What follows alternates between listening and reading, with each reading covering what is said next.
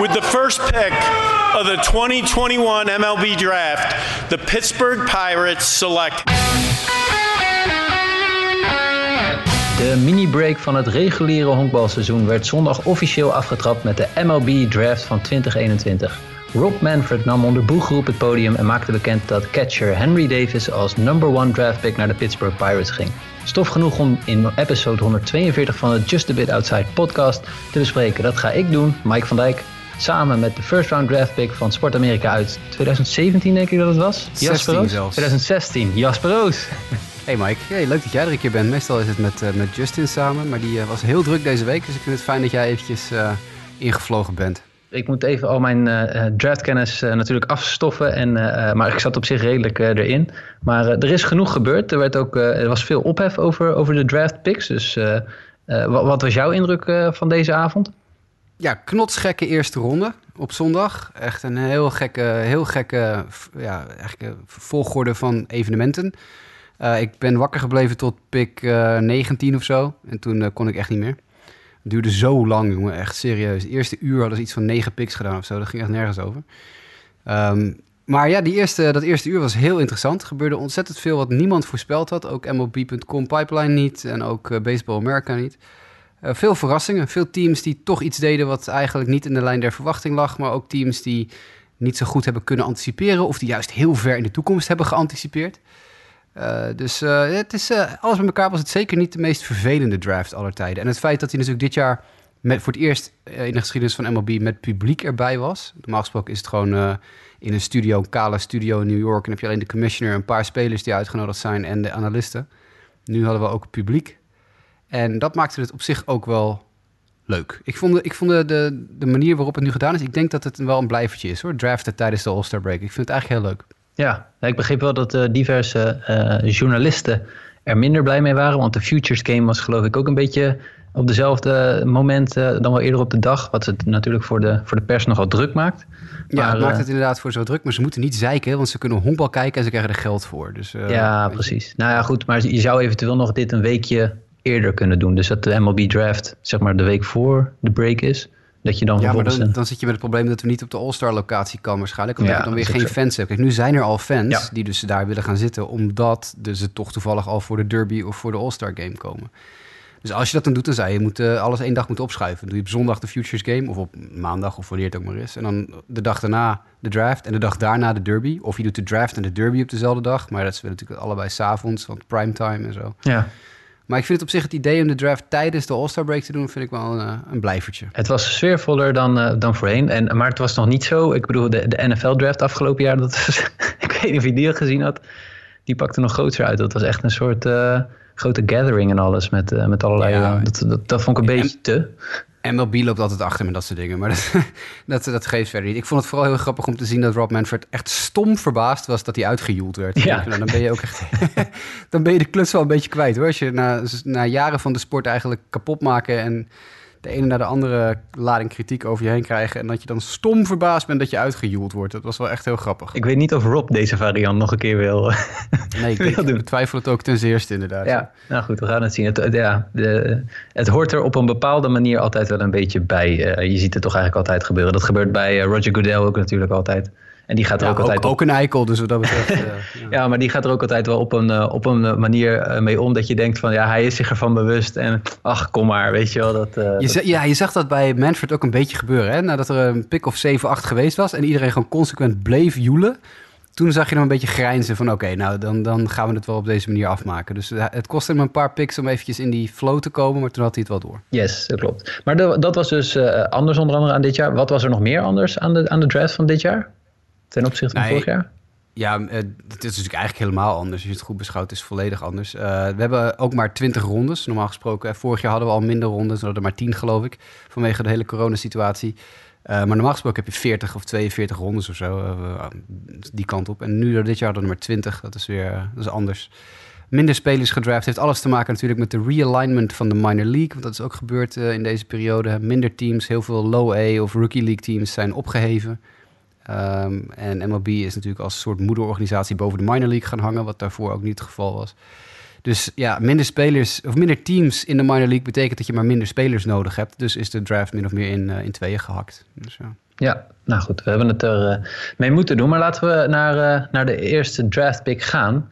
De Pittsburgh Pirates kozen verrassend eigenlijk wel voor Henry Davis. Omdat in de rankings toch eigenlijk zijn naam niet vaak bovenaan het lijstje stond. Wel hoog, maar niet bovenaan. De catcher komt van Louisville, de University of Louisville. Ehm, ja, wat, wat, wat, wat, wat ging er door jou heen? Want jij hebt dit dus live meegemaakt. Het was aansluitend op de, de finale van het Europese kampioenschap. Het ging ongeveer naadloos in elkaar over. Uh, wat ging er door je heen uh, toen, toen Henry Davis gekozen werd? Ja, nou, ik zit dan heel erg fanatiek op Twitter. En daar lekte het al uit ongeveer een minuut, anderhalve minuut voordat de pick ook werd aangekondigd. Dus ik had al iets van, wow, ze gaan Henry Davis kiezen. Volgens mij stuurde ik ook een appje naar jullie van, wow, daar gaat Henry Davis zo meteen. Um, want ik geloof dat Jim Callis van MLB Pipeline had hem als eerste. Die had de scoop. En die gooide hem dus op. Dat was eigenlijk de hele avond zo dat ik wakker was. iedere keer stond de pick al op Twitter voordat hij aangekondigd was door de commissioner. Dus dat was dan weer een beetje, dat haalde de spanning er weer een beetje vanaf.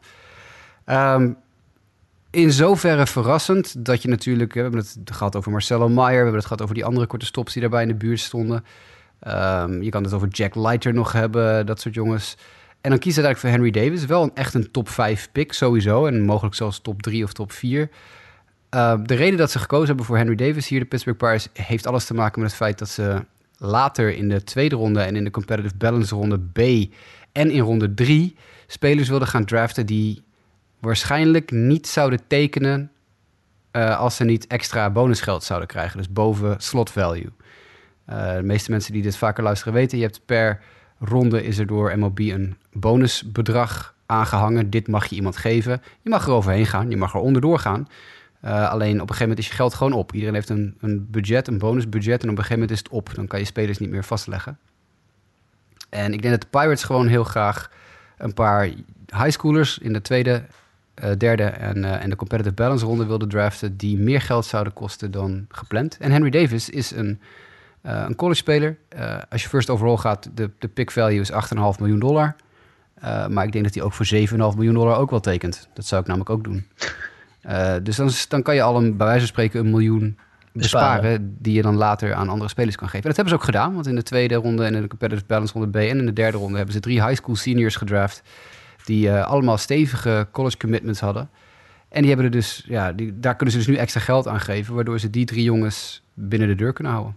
Kijk, ja, dat is dus inderdaad wel een strategie die we denk ik nog wel bij meer teams zo meteen uh, gaan bespreken. Het is, ja, het is, het is een heel veel toegepast trucje. En de Pirates zijn er heel goed in hoor. Die, die doen het al, al vaker. De Orioles hebben het zo meteen over, die zijn er ook ontzettend goed in. Ja, ja want uh, Ben Charrington, de GM van, uh, van de Pirates, hield er natuurlijk het andere verhaal op. Dat in hun beleving Henry Davis de beste college bet was die er was.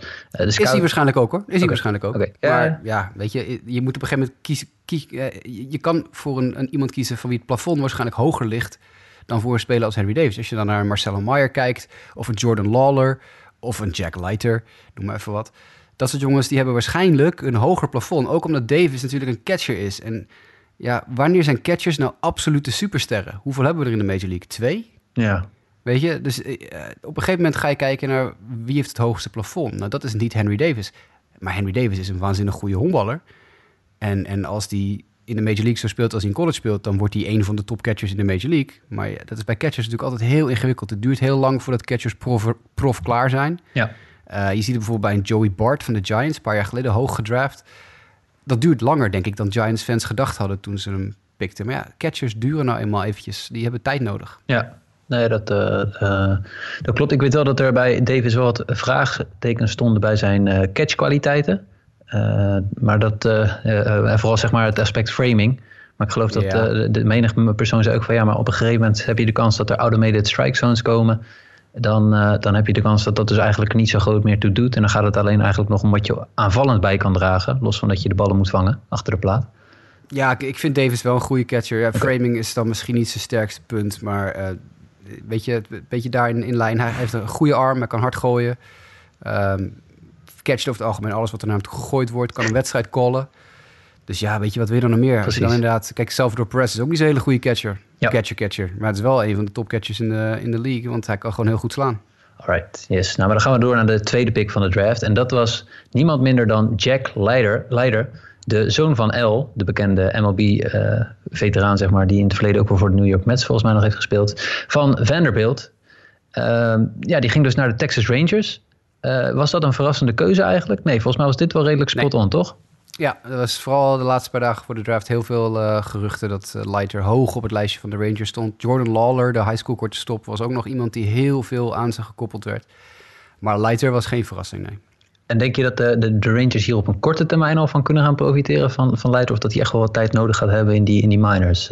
Nee, ik denk dat hij, dat hij vrij snel uh, dit is een hele complete jongen, een hele complete pitcher. Heeft, heeft pitches die nu al dusdanig kwalitatief hoogwaardig zijn dat je kan denken: oké, dit gaat wel wat worden. En, en is iemand die heel snel leert. Als je, dit, als je ziet wat voor ongelofelijke ontwikkeling die in de laatste anderhalf jaar heeft doorgemaakt, uh, dan kan je er eigenlijk wel vanuit gaan. Ik denk stiekem dat hij met een jaar of twee wel uh, echt big league ready is. Dit, is. dit is waarschijnlijk de meest pure pitcher, college pitcher in de draft. Wat ik niet zo goed begrijp is de rest van de draft van de Texas Rangers. Daar, daar heb ik echt heel weinig, heel weinig begrip voor. Ik vind het een heel rare draft. In welk opzicht specifiek dan? Uh, ze waren op plek 38 weer aan de beurt. Dus ze hadden de tweede overall pick en toen waren ze op 38 weer aan de beurt. En toen hebben ze iemand gedraft die uh, op plek 76 staat in de ranks. Dus dat is echt heel veel hoger. Mm -hmm. Aaron Zavala van Oregon. En dat is een goede speler hoor. Dat is een leuke, leuke, leuke outfielder. Maar is dat een tweede ronde talent? Nee, voor mij niet. En ik begrijp ook niet waarom, want ze gaan natuurlijk ook geen geld besparen met Leiter. Leiter gaat gewoon zeggen, ik wil gewoon pick value. Ja. Want ja, ik bedoel, hij is een fourth year sophomore. Hij kan nog gewoon terug uh, volgend jaar als hij wil. Hij kan nog gewoon naar Vanderbilt. Gaat hij natuurlijk niet doen, want hij gaat 7, nog wat miljoen krijgen. Maar het is niet zo dat hij minder hoeft te accepteren dan pick value, dan slot value.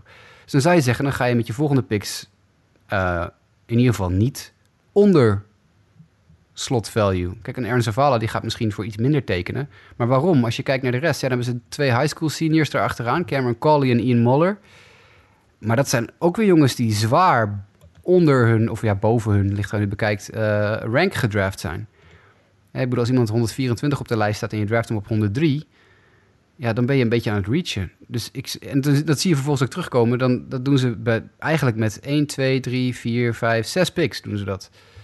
En dat snap ik niet zo goed. Waarom zou je zo ver, zo diep in de lijst gaan draften... als je ook gewoon spelers kan pakken die misschien qua slot value en, en talent ook een beetje hetzelfde zijn? Ja. Dat begrijp ik gewoon niet zo goed. Nee. Nou goed, ze zullen er bij Texas uh, lang over hebben nagedacht. Ja, dat denk ik ook. Het zijn gewoon ook niet. Het zijn, ik, ik vind het allemaal geen heel erg boeiende spelers, als ik eerlijk ben. Nee. Ik bedoel, sommige jongens dat je echt denkt van, nou, ja, dit ziet er, eh, dit is bijvoorbeeld heel snel. Cameron Colley, heel snel. Uh, kan niet hard slaan. Kan wel redelijk goed slaan, maar kan niet hard slaan. Maar ja, is wel heel snel. Wil je dat dan? Wil je dan een speler die één kwaliteit heeft? Weet je, dat, Ja. dat begrijp ik niet zo goed. Nee. Nou goed, eh, terugkeren naar die, naar die eerste ronde. Ik vind dat wel opvallend als je, als je Jack eh, ziet. Hij lijkt echt heel veel, eh, gewoon om, eh, op basis van hoe hij eruit ziet, op zijn vader. ik weet niet of jij dat eh, ook Ja, grappig is, zijn vader is natuurlijk linkshandig en hij is rechtshandig. Dus Ja. dat is eh, natuurlijk het grote verschil. Maar fysiek inderdaad in zijn gezicht is het eh, twee druppels water. Ja. Ja, nou, dan gaan we door naar de, de derde pick. En dat was eigenlijk al een, eh, een- ja, nog een verrassing. Jackson Jobe werd gekozen door de Detroit Tigers. En hij komt van de Heritage Hall School in Oklahoma. Een pitcher. Ja, de Tigers hebben eigenlijk wel een bijzondere keuze gemaakt in deze jongen... als ik, eh, als ik de scouting moet, eh, moet geloven. Ja, weet je, ik, ik sprak vrij kort na de... Ik tweette er tijdens de draft al over. En toen waren er nog een paar mensen wakker. Onder andere Noppes, onze Tigers-fan... die eh, regelmatig eh, eh, in de show zit vanwege Twitter-opmerkingen. En ik had met hem ook de dag daarna nog even over... Deze pick leverde nogal wat kritiek op, zeg ik vriendelijk. Want dit is een pick op zich. Jackson Job, heel goede pitcher. Hè? Nummer 7 op de lijst. high school. Maar daar heb ik gelijk het probleem. High school pitchers, dat zijn jongens die het letterlijk 90% van de tijd niet halen. Ik bedoel, dat is, het is heel stom, maar er zit geen groter risico in een draft om te draften dan Ja. high school pitchers. En als ze het al halen, duurt het heel lang. Kijk naar Dylan Bundy bijvoorbeeld. Dat is altijd een voorbeeld waarvan ik denk dat is een jongen die kwam uit high school en ze zeiden, nou, dat is een can't miss arm uit high school. En het heeft Dylan Bundy tien jaar gekost voordat hij überhaupt een beetje redelijk was. En dat is nog steeds niet heel supergoed, weet je Nee. wel. Dus er zit gewoon een enorm risico aan het draften van high school pitchers in de eerste ronde. Laat staan in de top drie. Zeker als je nog een Marcelo Meyer beschikbaar had op dat moment. Hè. Dat is natuurlijk een speler die nummer 1 overall op de, op de ranking stond. Eh, dat is natuurlijk al heel, heel dubieus. Uh, maar er waren nog meer jongens. Jordan Lawler, die eventueel nog in de top 3 had kunnen gaan. Je kan natuurlijk altijd nog zeggen Kumar Rocker. Nou, daar gebeurde iets heel geks mee. Zullen we het zo meteen nog over hebben. Ja. Maar Jackson Job op één, overall, op, op één in de eerste ronde van jouw team, dus op drie overall, is, is eigenlijk een heel gekke keus. Ja. En dat levert dus ook meteen veel kritiek op. Maar, en nu komt de grote maar, de Tigers hebben een waanzinnige draft erachteraan geplakt. En dat zal Noppers fijn vinden om te horen, want ik heb het heel veel met hem gehad over al de eerste twee picks. En daarna was het een beetje, uh, uh, moesten we nog wachten tot de draft weer verder zou gaan. Want ze hebben in de competitive balance ronde A hebben ze Ty Madden gepakt. Ja. Op dus op plek 32. Madden stond op 9 in de rankings. En ik heb Madden gescout voor Future Sox onder andere. Want er was wat sprake van dat mocht hij vallen, dat de White Sox misschien hem zouden overwegen. Nou, hij viel inderdaad. Maar hij viel ook voorbij de White Sox. Maar ik vind Ty Madden een ontzettend leuke pitcher. Er zitten wat kleine haakjes en oogjes aan. Dat heb ik van de week in de podcast volgens mij ook al gezegd toen we het even kort over hem hadden. Ja. Maar het is een, een jongen die gewoon 99 mijl per uur gooit. Um, en gewoon ja, bij een top college speelt. Het is een hartstikke goede pick. Nou ja, Madden gaat misschien iets meer geld eisen dan, dan de pick value. Maar die besparen ze waarschijnlijk met Job weer. Want Ja. die is natuurlijk behoorlijk veel hoger gedraft. Vier plekken hoger dan eh, gedacht. En dat, dat klinkt als heel weinig. Maar in de eerste ronde is dat ontzettend veel. En vervolgens hebben de Tigers achter elkaar... Ik bedoel, het begon al, ik zei het al, ik zat op de bank met de, de draftingers voor me, de draft tracker. En Sander en ik hadden het er al even over. Isaac Pacheco in de tweede ronde. Uh, dat, is, dat is een steal. Dat is een jongen die de eerste ronde in had gekund. Ja. Uh, Dylan Smith uh, van Alabama in de derde ronde is een fantastische pick. Tanner Coleb in de vijfde ronde van Notre Dame. Ontzettend goede pick. Vervolgens ratelen ze enorm veel uh, collegejongens af. Ze hebben dus alleen Jackson Job en Isaac Pacheco. Dat zijn de high schoolers. De rest zijn allemaal collegejongens. Letterlijk helemaal tot aan het eind. Dus dat is opvallend. Maar dat betekent ook dat uh, uh, Avila begrijpt, El Avila, de GM van de Tigers, onze window gaat over een jaar of twee open. De Tigers hebben ontzettend veel talent verzameld natuurlijk. Ze zijn natuurlijk al een paar jaar niet om aan te zien. Precies, ja. Maar ze hebben verschrikkelijk veel ta talent verzameld. Niet zozeer door trades, want Avila is niet zo goed in traden. Maar El Avila's achtergrond is in scouting en development. Hij is bij de Marlins ooit begonnen als de scouting director. Jaren geleden. En we hebben het over 20, 25, 30 jaar geleden misschien wel. Um, ergens eind jaren 90 of zo. Wat is het? 5, 96, 97? Toen zat Ja. hij daar. 23 jaar geleden of zo. Um, dus hij is heel goed in draft. De Tigers hebben ontzettend goed gedraft de laatste paar jaar. Ze hebben heel slecht getrade, maar heel goed gedraft. En ook dit is weer echt een, ja, een meesterwerkje. Kijk. Nou ja, en uh, ho hoewel enige controverse oh, met de eerste pick, uh, ik, ik, begreep inderdaad ook met name dat Ty Madden toch echt wel de steal voor de, voor de Tigers was. Fantastisch. Ja. ja. Um, maar goed, dan bleef de grote man op het bord nog staan, Marcelo Meyer. En toen waren de Boston Red Sox op plek 4 aan de beurt. En die dachten van, nou, daar weten wij wel raad mee. De man van de Eastlake High School, korte stop, uh, die kiezen wij wel. Ja, makkelijkste keuze ooit, denk ik. Ik, ja. ik heb het in de podcast gezet, gezegd, ik heb het in mijn artikelen geschreven. De, de, de Red Sox zitten in een ideale situatie. Op plek 4 kiezen ze gewoon de beste die over is. Maar ik denk dat niemand bij Boston had kunnen dromen dat de nummer 1 gerankte prospect nog beschikbaar zou zijn op plek 4. Nee. Dus ja, wat doe je dan? Dan ga je die draften. Opvallend dat het natuurlijk weer een korte stop is. Ze hebben Jeter Downs al in de Boston Red Sox minor leagues. Dat is ook echt een top prospect, top korte stop. En ze hebben natuurlijk Zander Bogaerts nog een tijdje vast liggen. Uh, ja. Dus ik denk dat ze wel inmiddels een, ja, een aardig pijpleidingje uh, korte stoppen hebben klaargelegd. Ja, nou, tegelijkertijd heb ik ook, tenminste dat hoorde ik ook iemand anders dan uh, zeggen in, een, uh, in de podcast, was van ja, kijk, uiteindelijk, dat is een probleem voor later. Zorg gewoon dat je het grootste Tuurlijk. mogelijke talent in ieder geval binnen weet te halen. En dan kijk je wel hoe het zich verder ontwikkelt. Of het überhaupt uh, uh, een succes blijkt. En je kan altijd nog kijken inderdaad in het kader van een trade of je er iets mee, uh, mee Tuurlijk. kan. Heb je hem niet dus, nodig, trade je hem weg. Ja, ja, ja, absoluut. Maar dit was wel echt een, ja... Nou, de Red Sox sowieso best, wel aardig gedraft hoor. Het, het, feit dat ze Judd Fabian in de tweede ronde konden draften op plek 40. Judd Fabian was de nummer 23 van de lijst. Judd Fabian heeft een strikeout probleem. Uh, maar dat zijn dingen die je kan corrigeren, weet je wel. Ja. Dat, is, dat is iets wat je met gewoon een paar jaar in de minors of met goede training kan je dat corrigeren. Judd Fabian is een heel getalenteerde outfielder, college outfielder van Florida. Sterk ook. Sterk, grote jongen, uh, veel power, maar dus ook veel strikeouts. Nou ja, daar moet je met hem aan werken. Ja. Um, Elmer Rodriguez Cruz, die ze in de vierde ronde hebben geplukt. Een high school senior van Leadership Christian Academy uit Puerto Rico. Heel goede speler ook. Uh, ik had niet verwacht dat hij zo hoog zou gaan in de vierde ronde, maar... Uh, nou ja, waarom niet? Ja. Um, Boston heeft stevig uh, gescout in Florida trouwens. Want Nathan Hickey, de vijfde ronde pick catcher, uh, is de teamgenoot van Judd Fabian bij Florida. En dat is ook een heel leuke speler. Um, iemand die eh, waarschijnlijk ook wel kan blijven catchen in zijn, eh, in zijn carrière. Dat is, eh, weet je, dat is ook belangrijk. Ehm, en eh, er is nog één speler die ik even uit wilde pikken, even zoeken. Oh ja, Nico Cavadas van Notre Dame, de eerste Hongman. Eh, dat is een senior. Eh, dus dat is een jongen die geen leverage heeft als het op zijn bonus aankomt. Hij is ook de eerste pick zo'n beetje na de, de slotbonussen. Maar dat is iemand die wel gewoon eh, eh, Division 1 NCAA baseball heeft aangevoerd in 2021 met zijn home run rate. Die sloeg de meeste home runs per wedstrijd, gemiddeld gezien, in, de hele, in heel Division 1, het hoogste college niveau. Dus dat is een jongen die in de elfde ronde pakt. Hè? Die dus, dat is een soort Pete Alonso light, is dat. De eerste honkman ook. Maar iemand die ontzettend, die gemiddeld gewoon ontzettend veel home runs slaat. Future home run derby winner. Ja, ja maar het- als je hem ziet ook, het is, het is heel vergelijkbaar met Pieter Alonso. Qua, het is echt een beetje vierkante jongen, grote, grote stevige jongen. Ja. Maar dat is, ik bedoel, dan pik je dus gewoon de Division 1 home run gemiddelde leader op in de elfde ronde. 200 picks na zijn rank. Tja. Want die jongen is 135 op de lijst en die wordt 316 gedraft hier. Dus dat vind ik echt een heel goede pick. Vind ik een heel leuke speler. Dus als je dan eh, moet kijken naar Gaim, die vorig jaar nog wel een controversiële eerste ronde pick eh, had gemaakt. Ja. Eh, deze draft, zat hij beter in het, in het zadel wat dat betreft. Ja, nou die eerste ronde pick van vorig jaar kan natuurlijk ook een superster worden. Dat weet je niet. Dat was een gewoon een heel gekke, gekke constructie die ze daar... Maar toen hadden ze ook geen tweede ronde pick, dus ze moesten misschien wel. Ze werden een beetje gedwongen om een enorme reach te doen.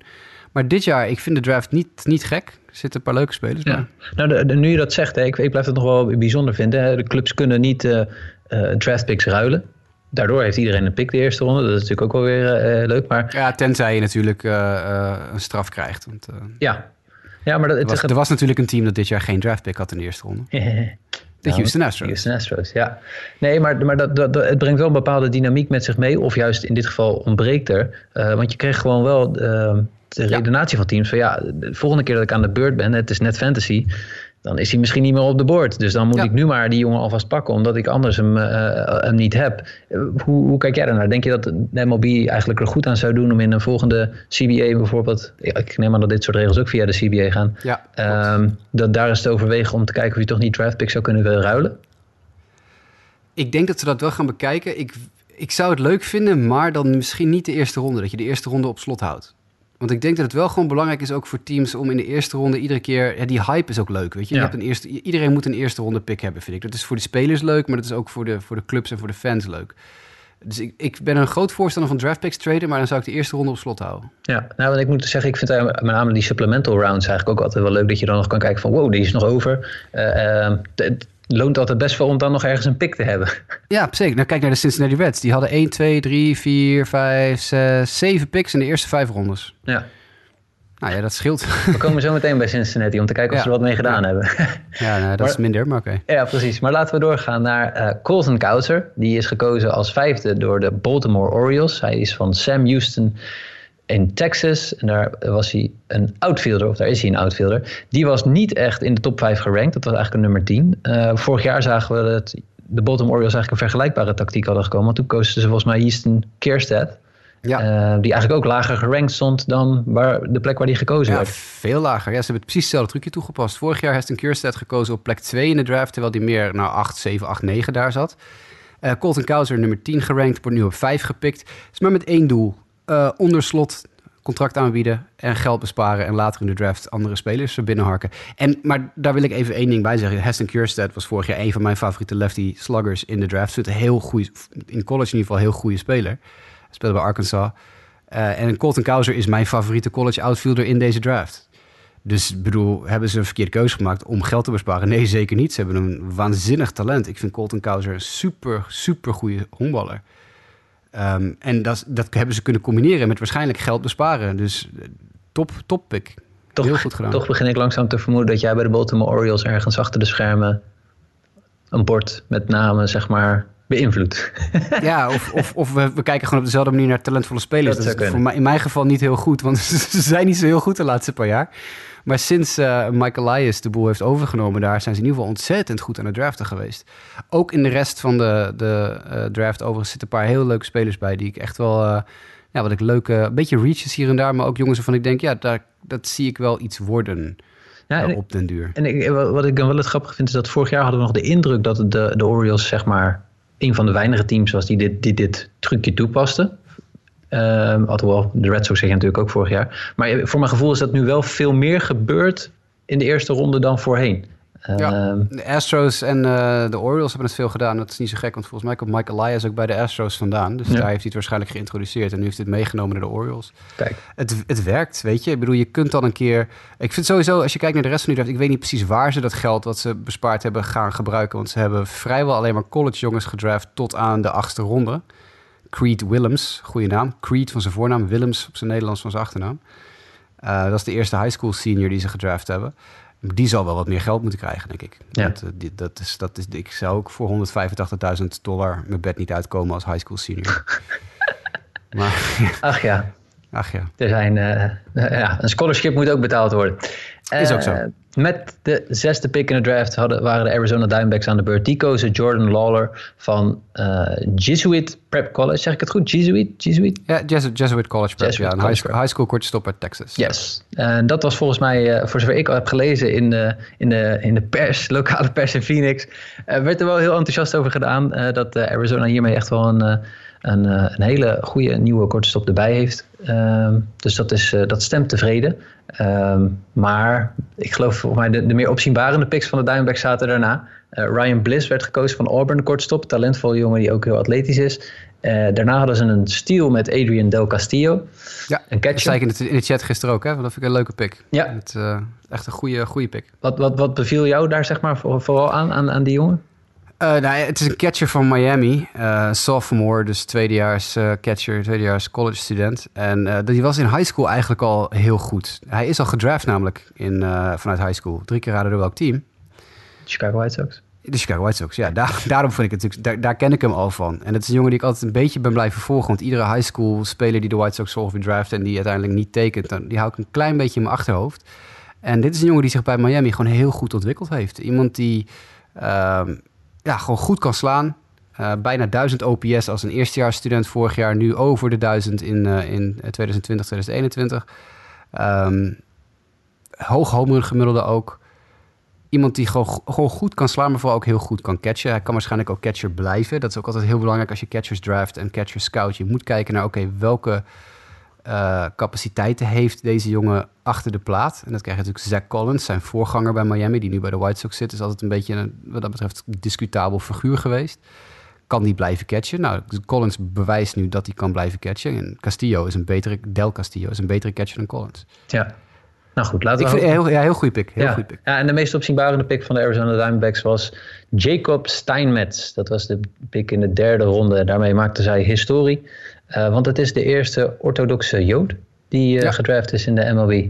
Of in MLB, sorry. Uh, hij is van de Elevate Baseball Academy in Florida, een pitcher. En ik begreep van de, de draft, de man die de draft begeleidde vanuit de Diamondbacks, dat hij zei van we geloven heel erg in zijn kwaliteiten. nou, geloof een belangrijk dingetje in dit geval. maar, maar dat de organisatie nog wel wat aanpassingen moest doen om goed te kijken hoe ze in ieder geval goed uh, ook om konden gaan. Want hij uh, houdt dus rekening met de rustdagen uh, die daarbij komen kijken. En ja. nog een aantal andere zaken zoals het eten. Dus, maar ik vind het, ik, ik, ben benieuwd. Ik, ik, ik, zei ook al, Steinmetz verwacht je eigenlijk misschien eerder bij de New York Mets. Dat was misschien beter gepast geweest. Maar ik, ik ben benieuwd in de toekomst van Jacob Steinmetz bij de Arizona Diamondbacks. Zeker weten. Dan gaan we naar het meest controversiële team van deze draft, durf ik wel voorzichtig te stellen. De zevende ja. pick was voor de Kansas City Royals en die kozen Frank Mozzicato. Uh, van de East Catholic High School, een pitcher. Uh, ja, die stond eigenlijk gerankt buiten de top 30. Hmm, interesting. Ja, 39 op de rankings, wordt op 7 gedraft door de Kansas City Royals uit Connecticut. Ook al echt niet bepaald een hotbed van uh, draft talent. Wat is de grootste ster die je kent uit Connecticut? Poeh, dat zou ik niet eens weten. Misschien zegt dat genoeg?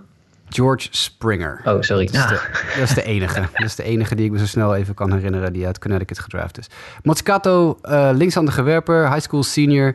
Uh, jongen die begin dit jaar vier no-hitters op rij gooide. Uh, dat is op zich uh, heel knap natuurlijk, maar niet uniek in high school. Dat is, er zijn meerdere spelers die dat in de laatste 30 jaar voor elkaar gekregen hebben. Um, maar dit was een speler die ik vrijwel zeker van durf te zeggen dat de Royals hem in de tweede ronde alsnog hadden kunnen oppikken. Maar goed, dat moeten ze zelf weten. Het probleem is niet zozeer dat ze Mozzikato draften, want het is goed als je dat een leuke werper vindt. Het is ook een leuke werper om naar te kijken. Het is gewoon een leuke jongen om naar te kijken. Ik weet of hij top 7 waardig is, maar het is een leuke werper. Maar dan moet je iets inspiratievol doen met de rest van je draft. En dat hebben ze echt totaal niet gedaan. Het is de meest saaie, straight up the middle draft die erbij zit, zo ongeveer, in heel MLB. Het is een onwijs saaie draft. Ik heb er echt helemaal niks mee. Ze hebben Ben Kudrna in de tweede ronde gedraft. Uh, Peyton Wilson in de derde ronde en Carter Jensen in de vierde ronde. Allemaal jongens die min of meer op de plek gedraft zijn waarvan ze ingeschat waren. Dus ik, volgens mij hebben ze bij de Royals gewoon de MLB.com ranking ernaast gelegd. En gekeken, nou wie is er nog beschikbaar? Oh, nou hij, precies op de plek waar we nu draften. Dan kiezen we hem wel. Het is een inspiratieloze draft. En is, er niks te nadelen van die jongens. Maar god zal machtig wat saai zeg. Er zit nul upside in. Ze stonden op auto-draft. ja, ik, ik, denk oprecht dat ze inderdaad, dat ze, weet ik veel, dat ze een bolletje zijn gaan drinken of zo, nadat ze Mozzikato hebben gedraft. Ja. Ik, ik, snap er niks van. Ik bedoel, als je kijkt naar wat we net bespraken, okay, je wil een speler draften die je misschien under slot kan signen. Nou, dat kan Mozzikato absoluut, want hij heeft natuurlijk zo'n enorme sprong gemaakt. Die gaat natuurlijk minder krijgen dan je verwachtte. Ja. Maar dan kiezen ze vervolgens wel heel veel highschoolers, maar allemaal highschoolers die gewoon gedraft zijn op de plek waar ze ook gerankt waren.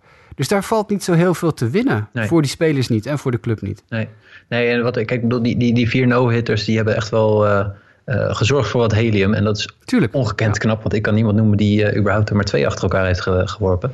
Nou, in high school ook niet? ja, dat weet ik niet. Nee, ja, ja, dat zou goed kunnen. Maar dan, dan is het opvallende, zeg maar, dan, dan kies je een lefty. En jij beschrijft het profiel net. Een lefty uit high school pitcher.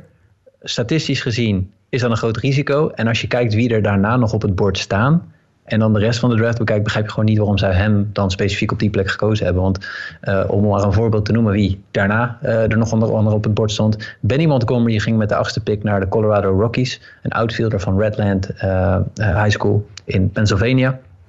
Is volgens mij al een getalenteerdere speler dan Frank. Maar goed. Ja, is hij zeker. Even nog om het verhaal van Frank af te maken. De vorige twee vier keer no-hitter op een rij was 2009 en 2017. Dus we hebben in de laatste twaalf jaar tenminste drie keer vier no-hitters op rij gezien. In high school. Ja, dan, ik bedoel... En die andere twee jongens heb, ik nog nooit, heb je er nooit meer van gehoord. Nou, dat even om dat uh, duidelijk te maken. Duidelijk perspectief. Maar in ieder geval, het levert hem uh, volgens de, de, de slot pick value... Uh, zou het hem iets van 5 miljoen op moeten leveren. Ja, dat klopt. Nou, goed. Ja. Maar Benny nou, Montgomery voor de Colorado Rockies? Ja, superleuke speler. Dat vind ik dan wel. Dat vind ik een upside speler. Dat is. Dat is ja, ja het, klinkt, het klinkt alsof ik Frank Mozzicato af zit te zeiken. En ik zit hem niet af te zeiken. Ik zit vooral de Royals uh, een beetje. Uh, ja, Kritische noot op, op een, op een keuzebeleid. Ja. Uh, Benny Montgomery, super snel, grote jongen, heel, echt heel snel. Is echt super atletische outfielder, high schooler ook uit Pennsylvania. Um, is echt een, ja, dat je denkt een, een een speedster voor bovenaan je line-up. Heeft nog niet super veel in-game power. Maar heeft bijvoorbeeld wel uh, de Perfect Game All-American Classic Home Run Derby gewonnen. Dus de High School Home Run Derby, de, de, de nationale High School Home Run Derby uh, wedstrijd, werd gewonnen door Benny Montgomery. In de wedstrijd komt het er nog niet uit. Maar hij is echt, dit is een premium atleet. Dit is, dit is, uh, ja, dit is een ontzettend leuk speler. jongen die heel graag wil, hard werkt en, en ja, iemand die in, in Colorado absoluut uh, leuke dingen kan laten zien. Ja. Uh, verder nog dingetjes voor, voor de Colorado Rockies of gaan we door met de volgende? Nee, ja, ik heb niet zo heel veel. Joe Rock van Ohio University in de Competitive Balance ronde B. Gave naam, Joe Rock. Maar verder heb ik niet zo heel veel over deze draft, nee. Bij de Colorado Rockies, ja. ja, ehm, ja precies. de negende pick was voor de Los Angeles Angels. Ja, die hadden ook een optiebarende draft. Maar in dit geval kozen ze in de eerste ronde voor Sam Bachman van de Miami University. Uh, een pitcher uh, die uit college. Dus uh, ja, maar dat was niet het, meest opvallende eigenlijk uit de draft van de, van de Angels. Want die gingen nogal pitcher heavy, als ik me niet vergis. Nou ja, los, laten we bij begin beginnen. ik zat mijn hoofd te schudden toen je Sam Bachman zei. En nogmaals, Sam Bachman, niks te nadelen van hem, is een goede pitcher. Ze gooit absurd hard. Gooit echt gooit met gemak 100, 101, 102 mijl per uur. Dus nou, dat ben, dan ben je sowieso interessant. Het probleem is, 9 van de 10 keer weet hij niet waar hij het heen gooit. Dus dan begint er bij mij al een klein beetje een belletje te rinkelen. Ik bedoel, moet een beetje voorzichtig zijn. Vind ik Sam Bachman een leuke speler? Ja. Denk ik dat de Angels de club zijn om Sam Bachman goed te maken? Nee. Want als de Angels iets niet kunnen, is het pitchers opleiden. Dat hebben ze, doen ze al twintig jaar, kunnen ze er helemaal niks van. Iedere offseason, als wij podcast doen en we kijken vooruit naar het volgende seizoen, zeggen allemaal weer, nou, Angels, best een leuke line-up. Ze hebben weer geen pitching. Als je kijkt naar jongens die ze zelf opgeleid hebben, die uh, neem een, een, Griffin Canning uh, bijvoorbeeld. Leuke pitcher, maar geen ace. Terwijl het in college een absolute ace was. De Angels kunnen geen pitchers opleiden. De Angels zullen dus pitchers moeten gaan kopen. Dat, moet, dat doen ze niet, maar dat moeten ze gaan doen. Wat, ze, wat zij moeten doen, ze moeten lekker veldspelers blijven opleiden... en vervolgens minor league spelers gebruiken om pitching die ergens anders al geleerd heeft... hoe ze moeten pitchen, binnen te halen. En dan draft je Sam Bachman, die echt nog moet leren hoe je pitcht. Het is een college speler, dus hij heeft natuurlijk best wel veel kilometers op zijn arm zitten. Hij gooit heel hard, hij weet alleen niet waar dit heen gooit. Maar dat kunnen de Angels hem niet gaan leren. En dan kijk je naar de rest van de draft. Je, je refereerde er even aan. De Angels hebben tot op dit moment, en de draft is nog steeds bezig, we zitten pas nee, in. Is oh, is net, net, net, net afgelopen. Ja. Net, net een uur geleden net te kijken en te lachen. ja, ze hebben, ze hebben letterlijk net een uur of een half uur geleden is ongeveer de draft afgerond. 20 rondes. De Angels hebben geen één veldspeler gedraft. 20 pitchers. De Angels hebben 20 pitchers gedraft. Ja, ik zit ook te denken van... Maar, en van de 20? Hoe dan? Eén highschooler. Ze ja. hebben 19 college pitchers en een high school pitcher gedraft. Ja, en wat je dan even nog erbij moet zeggen, je, je, je vertelde mij dit ook voor de aflevering. Um, um, de, de seniors van college moeten eigenlijk wel tekenen, want eigenlijk ben je daarna uh, afgestudeerd en ja. Uh, ja, dan, dan, dan, dan heb je, je eigenlijk geen, je, hebt, ja, je hebt geen leverage om zeg maar te onderhandelen. Als je nog uh, sophomore of junior bent, dan heb je nog gezegd van ja, nee, maar ik kan ook nog terug naar college gaan.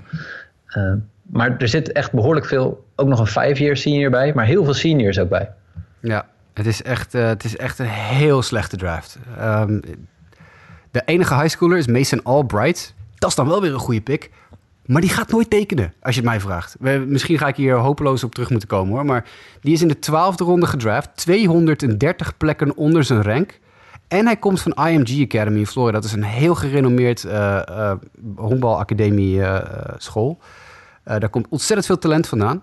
Die is in de twaalfde ronde meer dan 200 plekken onder zijn rank gedraft. Die gaat nooit tekenen. Die gaat, die gaat naar college. Die zou gek zijn als hij daar tekent. Tja. Want die heeft, even kijken, heeft hij een... Uh, ja, Virginia Tech heeft hij een commitment.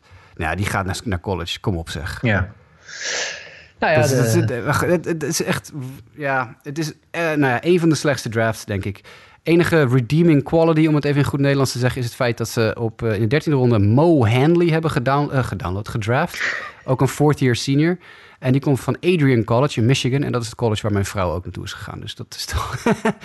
go Bulldogs. Ik wil net zeggen, wat moeten we zeggen? Go, go Bulldogs. Kijk. Go Bulldogs, ja. Nou, uh, ik, ik ben benieuwd. Uh, wat, op het moment dat dit soort jongens die tekenen, krijgen de Angels daar dan nog iets voor? Als een Helemaal niks. Nee, hè? Nee. Helemaal niks. Nee, jammer dan. Pechdag. Hmm.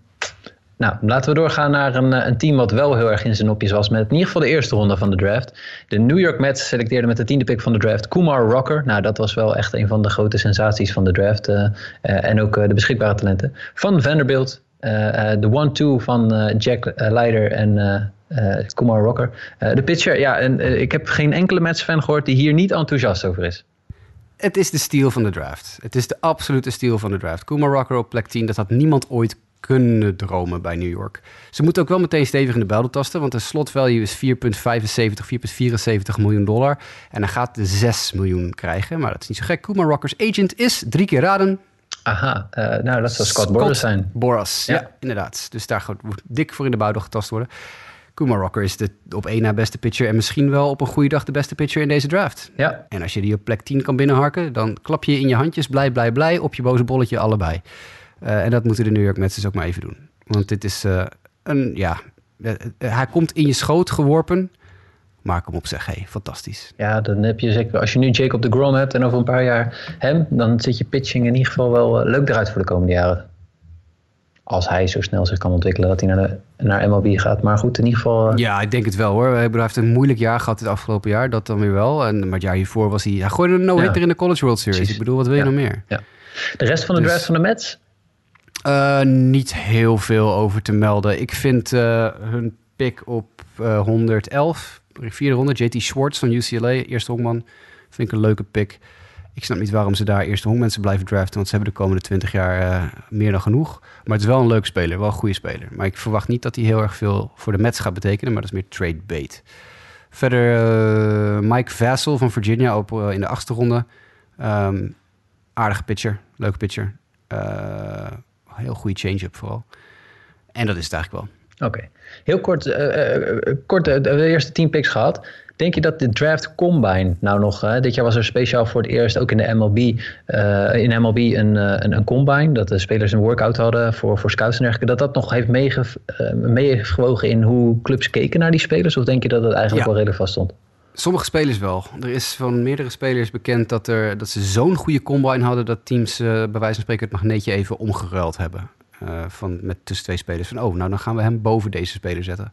Dus dat heeft zeker bijgedragen, ja. Kijk, alright, nou dan gaan we weer eh, rustig door. Ehm, Ja, we zeiden voor de uitzending... eh, we moeten niet eh, een drie kwartier doen over de eerste 10 picks. Het is nu 40 minuten, we hebben 10 picks gehad. precies. We gaan, we gaan iets sneller doorheen. Nu komen Nee, misschien plakken we... Anders maken we twee, twee afleveringen van als het moet. Dan knip ik hem in tweeën zometeen. we Maar dat kijken we dan precies. Ik heb het naar mijn zin, dus ik bedoel... Hey, ik bedoel Ja, dat is mooi. Dat is mooi. Dan gaan we gewoon door. Want als elfde team mocht kiezen de Washington Nationals. En die gingen voor Brady House van de Winterboro High School. Een korte stop, rechtshandig. Eh, stond ook eigenlijk top 10 gerankt. Dat is, op- is gewoon eh, een oké keuze, denk ik dan, voor de, Ja. de Nationals spel. Topkeus. Brady House is, eh, ja, ik bedoel, je kan van die vier korte stops, vier high school korte stops in de eerste twaalf picks zeggen wat je wil. Brady House is misschien wel de beste. In ieder geval de beste slagman. Heb je hem horen praten toevallig of niet? Oeh, nee. Godsamme kraken. Die gast komt uit Georgia. Nou, dat hoor je ook wel hoor. Oh, machtigheden. Er zit toch een zu- zuidelijk accent aan die jongen. Maar goed, ehm, dat eh, hoeft hem niet in de weg te staan om goede honkballer te zijn natuurlijk. Nee.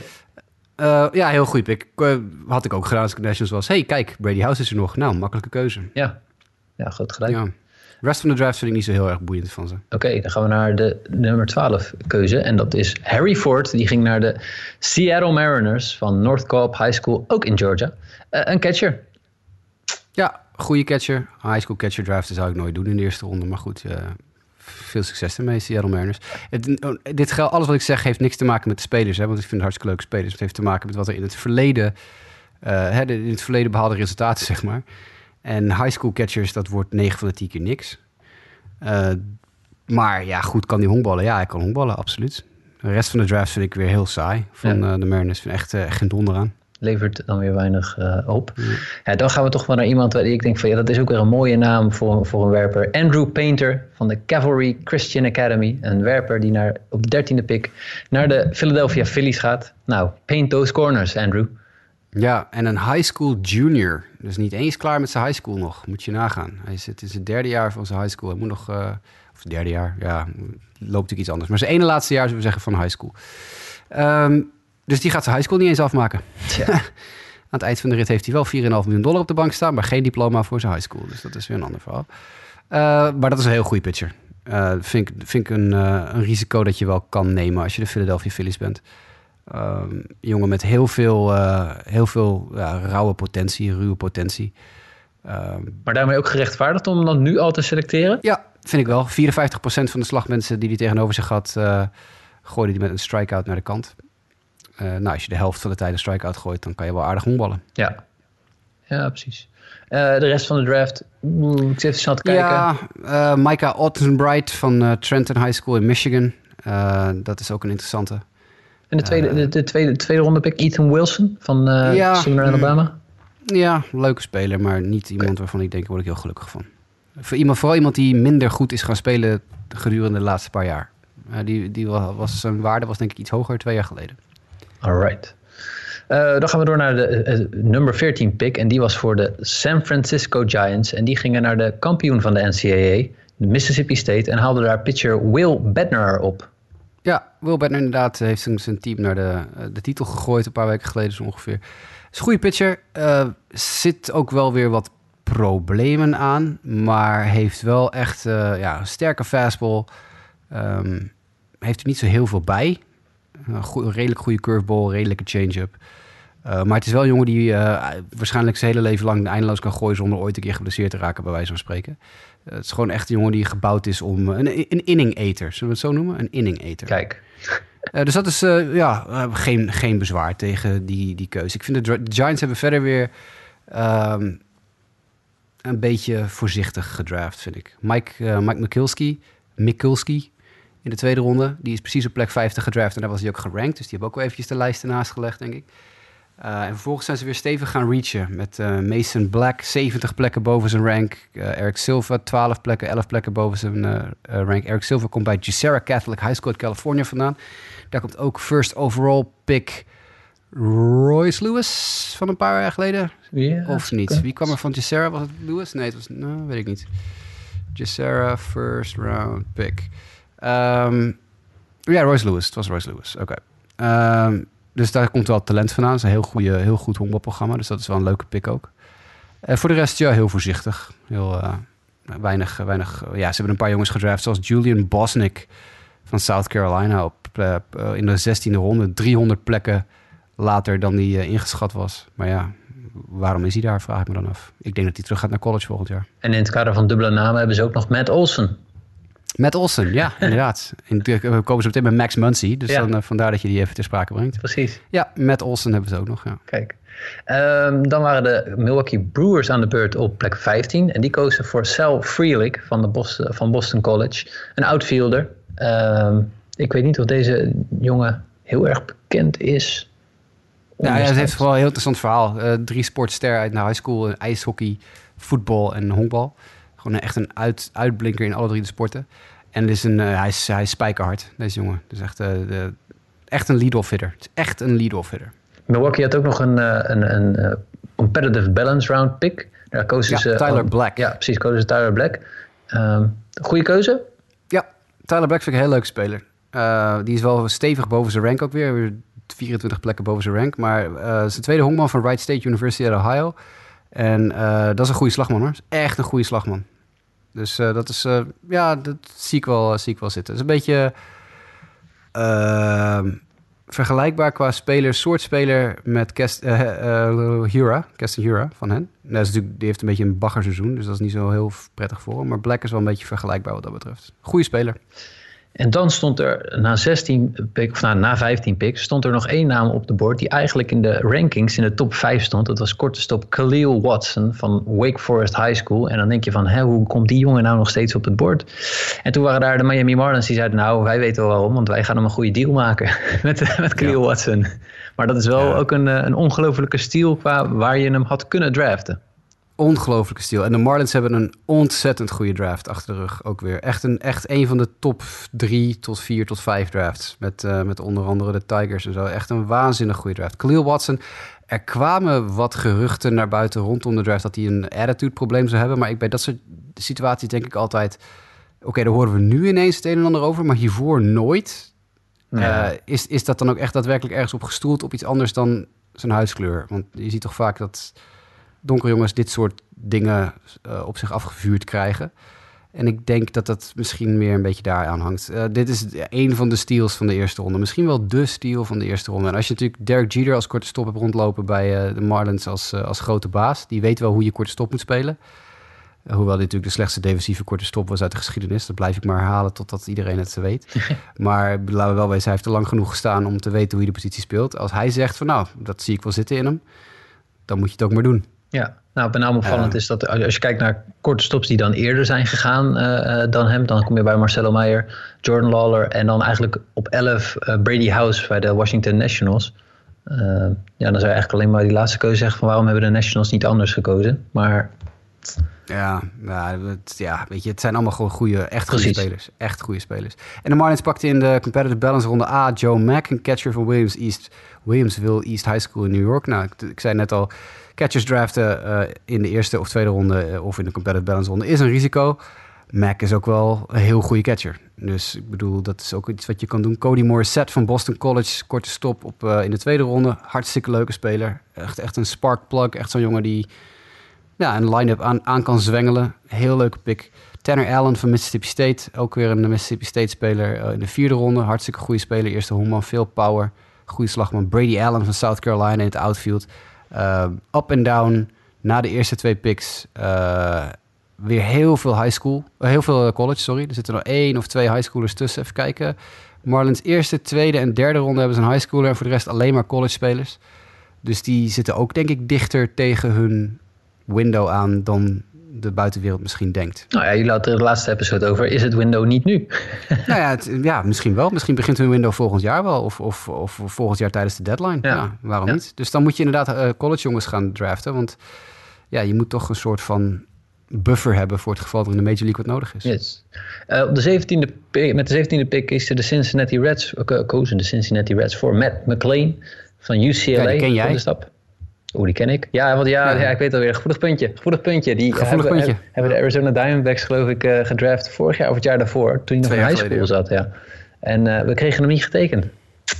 We nee, niet volgens, mij was hij, volgens mij zat hij al in college, trouwens. Ja, ja, dat zat hij net, net nou, ja, ja, ja, ja, misschien was hij school. Ja, nee, volgens, mij was hij, volgens mij was hij een freshman in college. Hij is nu junior, dus dan zou dat moeten. Ja, dus dat zou kunnen kloppen, ja. Ja, uh, ja goede speler. Uh, weer een beetje, beetje een risicoloze pick. Want McLean is niet een speler die een super hoog plafond heeft. Maar het is echt wel echt een bovengemiddelde speler op alle gebieden.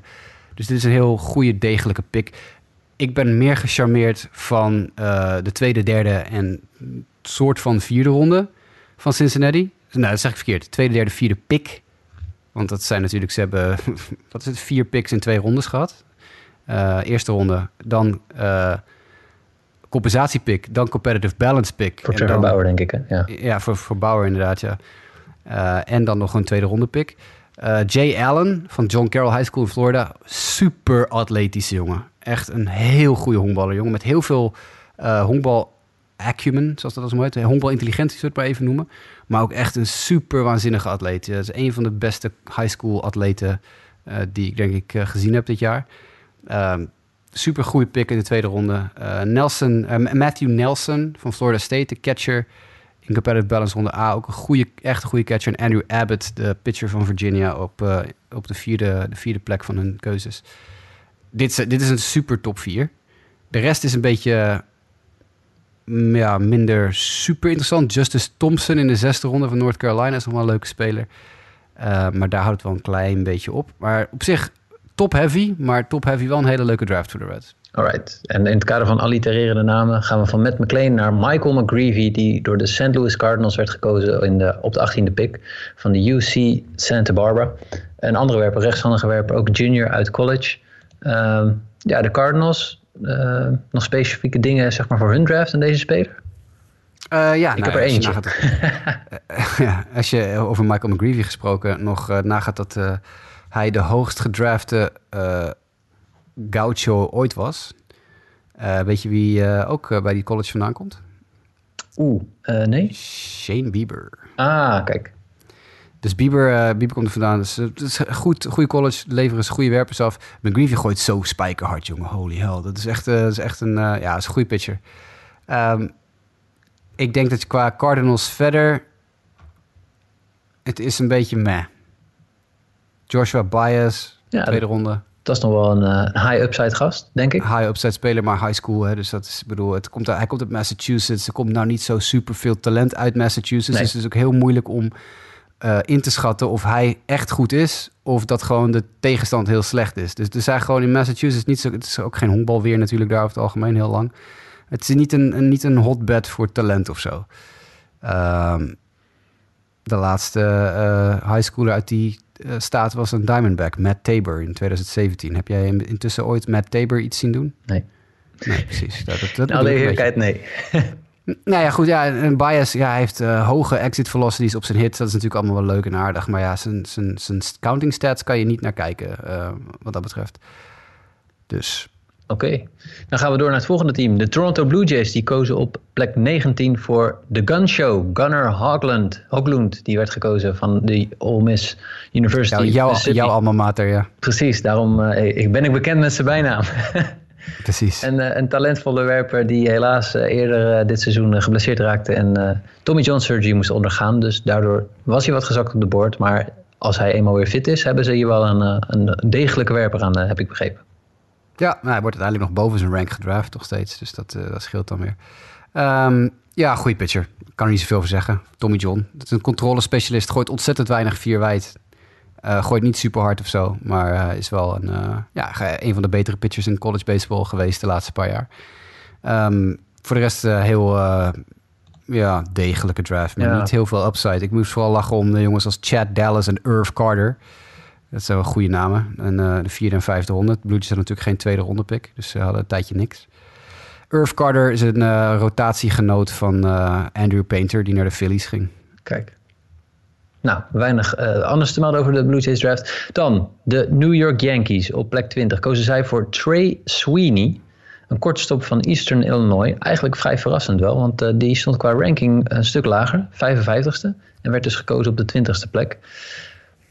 Hmm, interessant dat ze hiervoor gekozen hebben, toch? Ja, ja Eastern Illinois is, uh, hebben letterlijk zo ongeveer nog nooit een, eerste, uh, een speler uit de eerste vier rondes gehad. Eentje in 1981 en eentje in 1988. Dus hij is de derde speler pas uit die college die überhaupt in de eerste vier rondes gekozen wordt. Uh, dat zegt natuurlijk niks over zijn talent. Maar vind ik dit nou...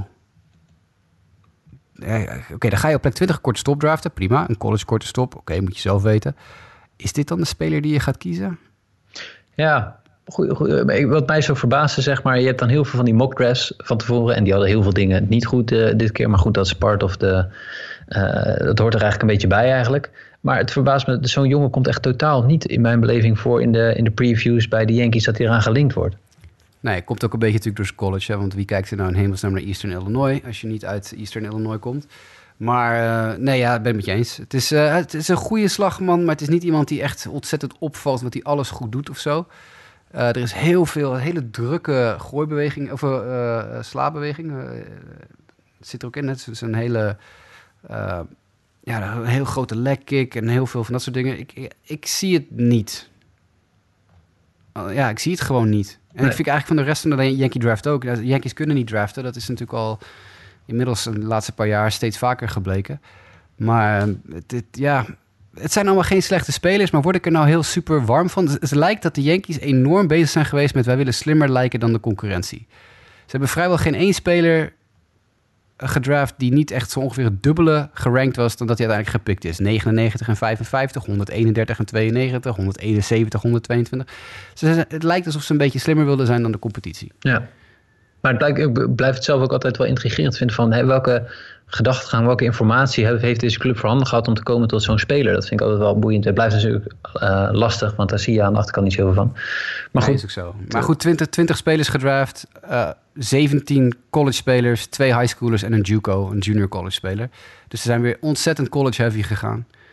En dat is ook over het algemeen niet, uh, ja, dat tekent aan de Yankees natuurlijk altijd ervoor gaan. Maar ja, je hebt toch ook wat jong talent nodig in je, in je minors. Niet alleen maar jongens die tegen hun plafond aan zitten. Yes, maar dan gaan we door naar de laatste 10 picks die er nog waren. Uh, de Chicago Cubs die kozen voor Jordan Wicks van Kansas State, een pitcher, lefty. Nou ja, jij als Chi-Town-kenner, hoe deden de andere, de andere kant van de stad het? Ja, ik, ik, vind het, ik vind Jordan Wicks een ontzettend goede pitcher. Maar het is niet dat het nou het, uh, de, de, de spektakel eraf spat of zo.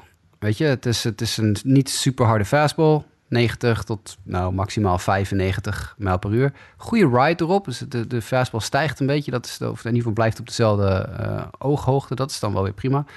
Goede, redelijke sliding, slider. Het is niet echt een goede slider. Ik zeg goede slider. Nee, het is een redelijke slider. Kan misschien nog iets beter worden. Uh, hij werd een beetje vergeleken, vergeleken met een Reed Detmers... die vorig jaar op nummer 10 naar de Angels ging. En dat is een, ook een, ja, een goede pitcher waarvan het plafond gewoon niet zo hoog is. Ja. En dat zie ik bij Jordan Wicks ook een beetje. En de rest, de rest van die draft heb ik niet zo heel veel mee. Wat ik leuk vind, leuk tussen aanhalingstekens vind, is dat ze wel vrij high school heavy zijn gegaan in het begin. Ik denk dat de Cubs ongeveer 50-50 high school college hebben gedraft. Dat vind ik over het algemeen wel slimmer dan wanneer je je heel erg focust op één. Wat meer gebalanceerd, ja. Ja, precies. Ja. Uh, de Chicago White Sox mochten kiezen met pick 22 en kozen voor Colson Montgomery, de korte stop, dan wel derde honkman van Southridge High School in Indiana. Ja, ja, dit is ook zoiets. We zijn bijna een uur onderweg en ik mag nu pas over de White Sox praten. Dan moet, ik, dan moet ik het kort houden. Dus we gaan nu een tussenepisode maken en dan maken we nee, nee, ik, ik, hou het kort. Ik hou het kort. ik hou het kort. Uh, Colson Montgomery in de eerste ronde van Southridge High School in Indiana. Uh, een van de betere high school korte stops in de country. Uh, ik erger me een beetje aan hoe die praat, want hij praat ontzettend langzaam. En zoals je weet praat ik heel snel. Uh, dus uh, daar heb ik het nooit zo mee. Maar een ontzettend goede speler. Als honkballer echt, echt iemand. iemand die ook bijvoorbeeld heel goed naar voren kwam in de combines. Ja. in de high school combines. Echt iemand die ja, op meerdere draftboards is gestegen... tot op een punt dat hij zelfs aan de Mets op plek 10 gelinkt werd. Um, dus dit is een, een goede pick, ben ik heel tevreden mee. Uh, linkshandige slagman hebben de White Sox er veel te weinig van. Dus het is ook altijd heel prettig om die erbij te hebben. Uh, ik denk dat hij eventueel nog wel een korte stop zou kunnen blijven à la Corey Seager. Daar lijkt hij een beetje op qua grootte. Qua, het is een heel groot jongen, 6 foot 4, 190 pounds. En 6 foot 4 is wat, 1,90 meter, 1,91, 1,92 daar in de buurt. Het is een grote jongen. Dat zie je natuurlijk niet veel bij korte stops. Alleen Carlos Correa is vrij lang en, uh, en Corey Seager is dan ook vrij lang. En Trey Turner, volgens mij ook redelijk lang. Maar goed, daar houdt het wel een beetje mee op. Um, dus misschien dat hij naar de derde honk moet gaan. Maar het is wel een goede, goede speler. Ja. De, de, daar kon je niet zoveel misdoen. En die hebben ook redelijk op de middel gedraft wat dat betreft. Dat was 25 gerankt, ze pakken nummer 22. Oké, dat is prima. De, het zwaartepunt, het, het, de, de White Sox hebben ontzettend goed gedraft natuurlijk in de laatste tien jaar. Als je naar die, al die spelers kijkt, ik geloof alleen op het roster nu in de Major League staan 12 of 14 jongens die ze zelf gedraft hebben in de Major League. Nou, daar ben je natuurlijk heel succesvol. De White Sox hebben vijf of zes spelers gedraft in de rest van deze draft die echt, ja, dat, dat zijn echt gewoon, als die jongens zich ontwikkelen zoals je denkt, dan worden dat sterren. Wes Cath in de tweede ronde van Desert Mountain High School. Een van de beste derde hondmensen, zo niet de beste derde hondman in high school in Amerika. Geweldige slagman. Tweede ronde. Nou, Sean Burke in de derde ronde, een werper van Maryland, vind ik een beetje saai. Maar dan Tanner McDougall in de vijfde ronde van Silverado High School in Nevada. Nou, daar is in Amerika, ik heb jullie de links al gestuurd en de screenshots, al nu al veel over geschreven. Uh, die jongen is niet gedraft omdat hij nu al kan, maar die jongen is gedraft op wat hij eventueel zou kunnen worden. Want zijn spin rates zijn echt van een andere planeet. Dus als die jongen leert pitchen, en hij is net 18, hè? als die jongen leert pitchen uh, met de spin rate die hij al heeft, dat is, dat is absurd. Dus dat zijn hele leuke, leuke dingen om in de gaten te houden. Dat soort jonge jongens. Taylor Broadway van jouw uh, alma mater All Miss. Kan je mij iets vertellen over Taylor Broadway? Nou ja, in de boxscore zie je hem wel voorbij, voorbij komen als dat hij uh, productief is. nou, okay, Meer dan, dan dat kan ik er niet van zeggen. Over die vorige speler nog even. ja. Dit is geen insinuatie, dit is een grapje. Maar ik ben benieuwd hoe die doet zonder sticky stuff. ja. Maar goed. Ik ga ervan uit dat hij niet sticky stuff gebruikt. Ik neem niet aan dat hij in high school veel gebruikt. Maar hij heeft gewoon een hele natuurlijke hoge spin rate. Ja. Theron Denlinger in de zevende ronde. Daar stuurde ik jullie een scouting report van. Dat wil ik eventjes voorlezen. want dat was hilarisch. Theron Denlinger, Denlinger van Bradley University uit Illinois. Dat is een lokale. In zijn scouting report staat... Uh, een paar persoonlijke dingen over wie zijn ouders zijn en zijn oudere broer en zo. En dan staat er volgens is toegevoegd door de Lakota Sioux Indianen, de Native Americans, als Buffalo Boy, Tatanka Hokshila. Dus Teron Denglinger heeft een Sioux naam. En zijn ouders hebben een, uh, een blacksmith shop in de achtertuin. En Theron Denglinger, Denglinger, moet nog even op zijn naam oefenen is uh, een accomplished blacksmith artist die zwaarden en messen maakt. Dus de White Sox hebben een jongen die niet alleen ingelijfd is door een Native American tribe, maar ook nog eens een keer zwaarden maakt in zijn achtertuin. Dus dat, daar hou ik wel van, dat soort dingen. Dus uh, ja, dat is leuk. Uh, Tatum Terrell van NC State in de 16e ronde, een steal als ze die uh, binnen kunnen houden. En datzelfde geldt voor Cameron Butler van Big Valley Christian High School. Als ze die kunnen tekenen in ronde 15, en dan zullen ze dus wat geld moeten gebruiken dat ze bespaard hebben door het draften van jongens als Taylor Broadway van Ole Miss, seniors. Mm -hmm. Want je ziet de White Sox draften dus in ronde 6, 7, 8, 9, 10, 11 en 12. Allemaal college seniors. Daar gaan ze dus geld mee besparen. En dan kunnen ze bijvoorbeeld een Cameron Butler van Big Valley High School uh, een dikkere bonus geven. En als die tekent, is dat echt dat is de steal van de draft voor de White Sox. Oké. Okay. Gaan we dan door naar de Cleveland Indians? Gaan we door naar de Cleveland Indians. Of, uh, ja, de Cleveland Indians die kozen met de 23e pick Gavin Williams, de pitcher uit East Carolina. Een, een senior pitcher in de eerste ronde. Optie maar aan de keuze. Ja, ja. gooit spijkerhard. Ja. weet, niet, weet niet altijd waar het heen gaat, gooit spijkerhard. Ik vind een, een, een goede pitcher. Jongen die pas dit jaar bij East Carolina een plek in de rotation veroverde. Eigenlijk nooit in de rotation terechtgekomen de laatste paar jaar. Maar in zijn laatste jaar toch uh, ja, echt gewoon heel goed was. Dus uh, ja, power pitcher. Ik, ik zou ook geen, niet per definitie een senior in de eerste ronde draften. Maar aan de andere kant, de kans is dat hij niet uit de eerste ronde gekomen was, is anders vrij groot. Dus als je hem wil hebben, moet je hem hebben. Doc Nikazi, ook van Ole Miss, jouw alma mater in de tweede ja, ronde. Ik denk wel, tenminste, het is wel echt een, uh, een energieke uh, kerel op deuvel. Ja, nou daar hou ik wel van. Ja. Dus dat is, dat is leuk. Uh, voor de rest, uh, Jake Fox van Lakeland Christian School in Florida in de derde ronde is een aardige jongen om in de gaten te houden. Die kan wel heel goede ontwikkeling doormaken. Verder weer heel veel college Indians. Ontzettend college heavy. Ik scroll even door. Iets van 15 pitchers in 20 rondes. Ja, eh, ik zie 18, 18 college spelers, twee high schoolers. Ja. Ik het zit net te denken, ik, het zou misschien, die, eh, jij zei die minor leagues zijn natuurlijk aangepast. Zou misschien een redenatie zijn geweest van, nou ja, we hebben genoeg positiespelers. We kijken gewoon in ieder geval de pitchers waarvan we zeggen van, nou dat gaat niks worden. Die voegen we gewoon toe. En eh, tenminste, daarom gaan we veel meer voor pitchers draften dan voor positiespelers. Ja, misschien. Ik heb geen idee, ik, hè, ik, met ik, zit niet bij de, ik zit niet bij de Indians in de front office, dus dat zou ik niet weten. Maar Nee, maar omdat je het bij, bij een aantal teams stond, dan komen ze. Maar die zie je gewoon heel erg veel pitching dra- draften. Ja, je kan nooit natuurlijk genoeg eh, pitchers dat hebben, is het. maar... Je hebt nooit genoeg pitchers. Dat, die gaan gewoon sneller kapot, dus je moet er meer hebben. Oké, kijk. Ja. Eh, de Atlanta Braves mochten met 24e pick kiezen en die kozen voor Ryan Cusick. Ja, heb ik heel weinig informatie over. ik zeg het heel eerlijk. Ik eh, Hij is een pitcher. veel. Ja, ik weet niet veel over Ryan Cusick. Ehm, En over Atlanta zelf verder dan in de draft wellicht. Even kijken. nou ja, Spencer Schwellenbach, dat is natuurlijk een fantastische naam. Spencer Schwellenbach in de tweede ronde. Ja. Ik ken hem als speler overigens niet. Ik, ik, ken, ik ken heel weinig jongens die de Braves gedraft hebben. Ze hebben ook heel weinig gerankte spelers. Ze hebben maar vijf gerankte spelers gedraft. Eh, voor de rest heel veel eh, ja, wat onbekender volk. Colleyville Heritage High School in Texas, hun zevende ronde pick. AJ Smith. Xavier. Eh, volgens mij is Colleyville een Colleyville Heritage is waar. Daar komen nog komt Bobby Witt Jr. daar ook niet vandaan of zo? Oeh. Gaan Nou, we gelijk ja. opzoeken. Ik weet, Colleyville komt me heel bekend voor. Dat is een high school volgens mij in Texas waar wel veel talent vandaan komt. Dus Bobby Witt eh, Jr. komt van... Kom op.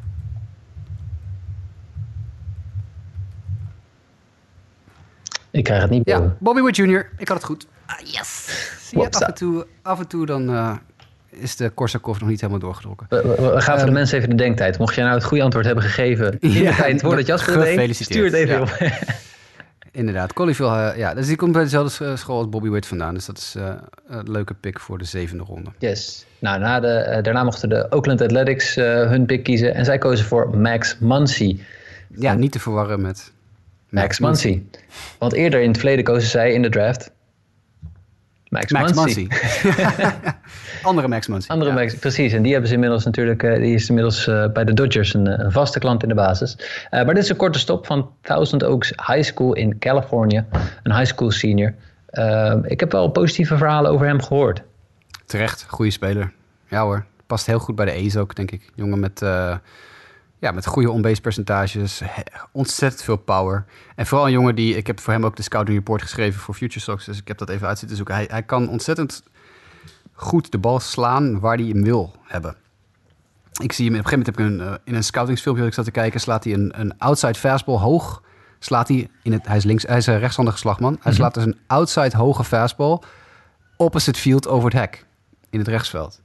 En dat betekent dus, hij, hij identificeert niet alleen die fastball van oké, het is een fastball, maar hij ziet ook nog eens een keer, hij is hoog aan de buitenkant en kan zijn knuppel daar dan dus tegenaan krijgen op een manier dat hij het dus ook nog gewoon die kant verder opstuurt. Dat- Dat noemen ze in Amerika natuurlijk, hè, take, take what you can get, of zoiets in die geest, weet je. Ja.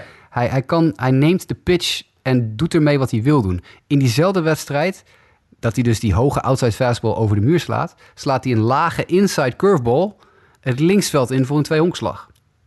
Dus hij is heel goed, hij, hij heeft een heel goede strike zone eh, identificatie. Hij kan ontzettend goed de pitches zien. Ik vind het een heel goede speler.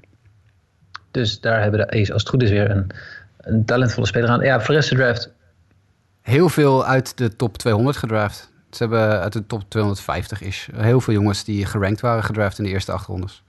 Verder, eh, ik heb er niet zoveel op aan te merken. Alright, dan gaan we door naar de Minnesota Twins. Die gingen voor een pitcher uit New Jersey. En die zijn schaars, althans de goede. Eh, Mhm. Chase Perry werd gekozen van Mainland Regional High School. Ja, vind ik een leuke pick. Kan er niet zo heel veel meer over zeggen. Nee. Het is gewoon een goeie, heel goede pitcher. Eh, voor de rest, de Steven, Steven Hajar op eh, plek 61 in de tweede ronde. Ook een leuke speler. Pitcher van Michigan. Heb ik een paar keer zien gooien in de laatste paar jaar. Zo- goede pitcher. Veel controle. Eh, ziet er goed uit. En eh, Chris Encarnacion Strand vond ik ook een leuke.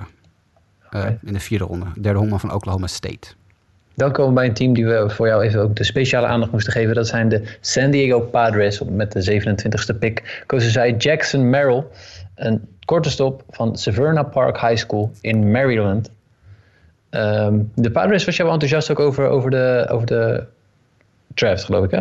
Ja, ze, ze kunnen heel goed draften. Dat hebben ze natuurlijk al jarenlang uh, laten zien. Nou is het ook wel vrij makkelijk, want ze hebben jarenlang in de top 5 mogen draften. Dus dan is het draften op zich niet zo heel ingewikkeld.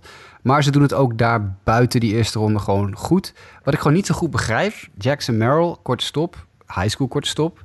Vorig jaar draften ze CJ Abrams, high school korte stop. Een paar jaar geleden hadden ze nog een high school korte stop. Er staat een jongen in de line-up daar elke dag die een contract voor 14 jaar heeft op korte stop. Waarom blijf je high school korte stops draften? Maar dat is dus waarschijnlijk hetzelfde idee uh, als de, uh, een aantal andere teams hebben, de, bijvoorbeeld de Red Sox, die ook meerdere korte stops in het systeem hebben. Als ze hem niet zelf kunnen gebruiken, dan verkopen we ze wel. En de, de Padres zijn natuurlijk ook ontzettend veel aan het traden geweest uh, de laatste paar jaar. Ja. En die hebben, die hebben dat soort talent, wat ze dus dubbel of driedubbel bezet hadden in de minors, hebben ze gebruikt om te traden. Ik begrijp niet zo goed waarom je dan Jackson Merrill pakt. Want zijn rank was 79. De picknummer is uiteindelijk 27. Dus hij wordt ruim 50 picks, 52 picks boven zijn zijn inschatting gedraft. Dat is veel. Dat betekent dat je waarschijnlijk in de tweede ronde ook nog wel had kunnen pakken. Ja. Maar ja, weet je, het zijn de Padres. Die weten over het algemeen wat ze doen. Aantal. James Woods van IMG Academy in de tweede ronde vind ik uh, een betere pick dan bijvoorbeeld. Een aantal andere namen die we zeg maar net hebben genoemd, die in die competitive balance round gingen, die zou misschien interessanter zijn geweest. Uh, dat vind ik wel. Ja, ja, denk ik ook. Zeker als je nagaat dat de Padres nu natuurlijk een window hebben. Ze hebben nu een window. Ze zijn populair. Of ze, ze zijn goed. Ze doen het goed. Ja, ja. Veel mensen kijken ernaar. Dan draft je in eerst twee rondes twee highschoolers. Ja. Begrijp ik gewoon niet zo goed. Nee. Dat, uh, maar goed. Okay. Maar de, de, de redenatie van de korte stop is volgens mij ook gewoon uh, hè, makkelijk nog te verplaatsen naar ofwel derde honk of naar Tuurlijk, een andere plek. ja, dus, maar dan weet je in ieder geval dat je defensief een solide, doorgaans een beter, betere speler Ja, en, en dan nog een, nog een tweede of derde ding ligt aan wie bekijkt over de Padres. Wat ik heel interessant vind, dat zie ik nu net pas, omdat ze natuurlijk vandaag pas de draft net, net afgemaakt hebben. Ja.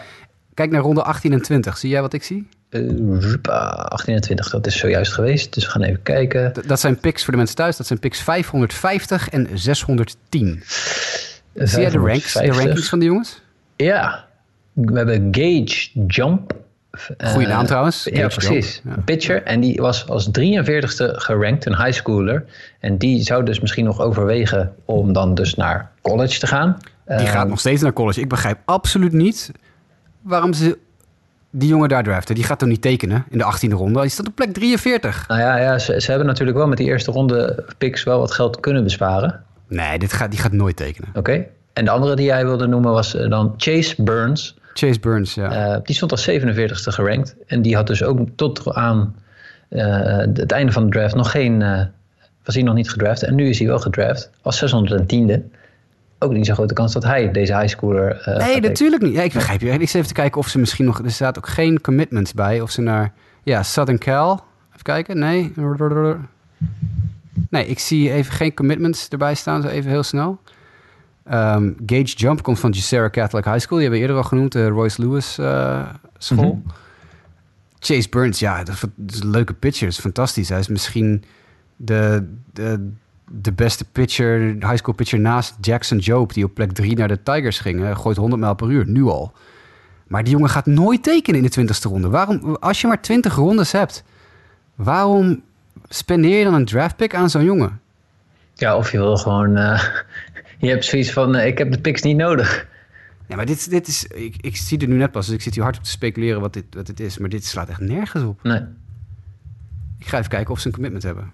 Ga ik in de tussentijd in ieder geval vast eventjes Ja, door Tennessee. Met... Chase Burns kan notabene naar Tennessee. Dat is een van de top SEC. baseball schools in, uh, in Amerika. SEC-school. Ja.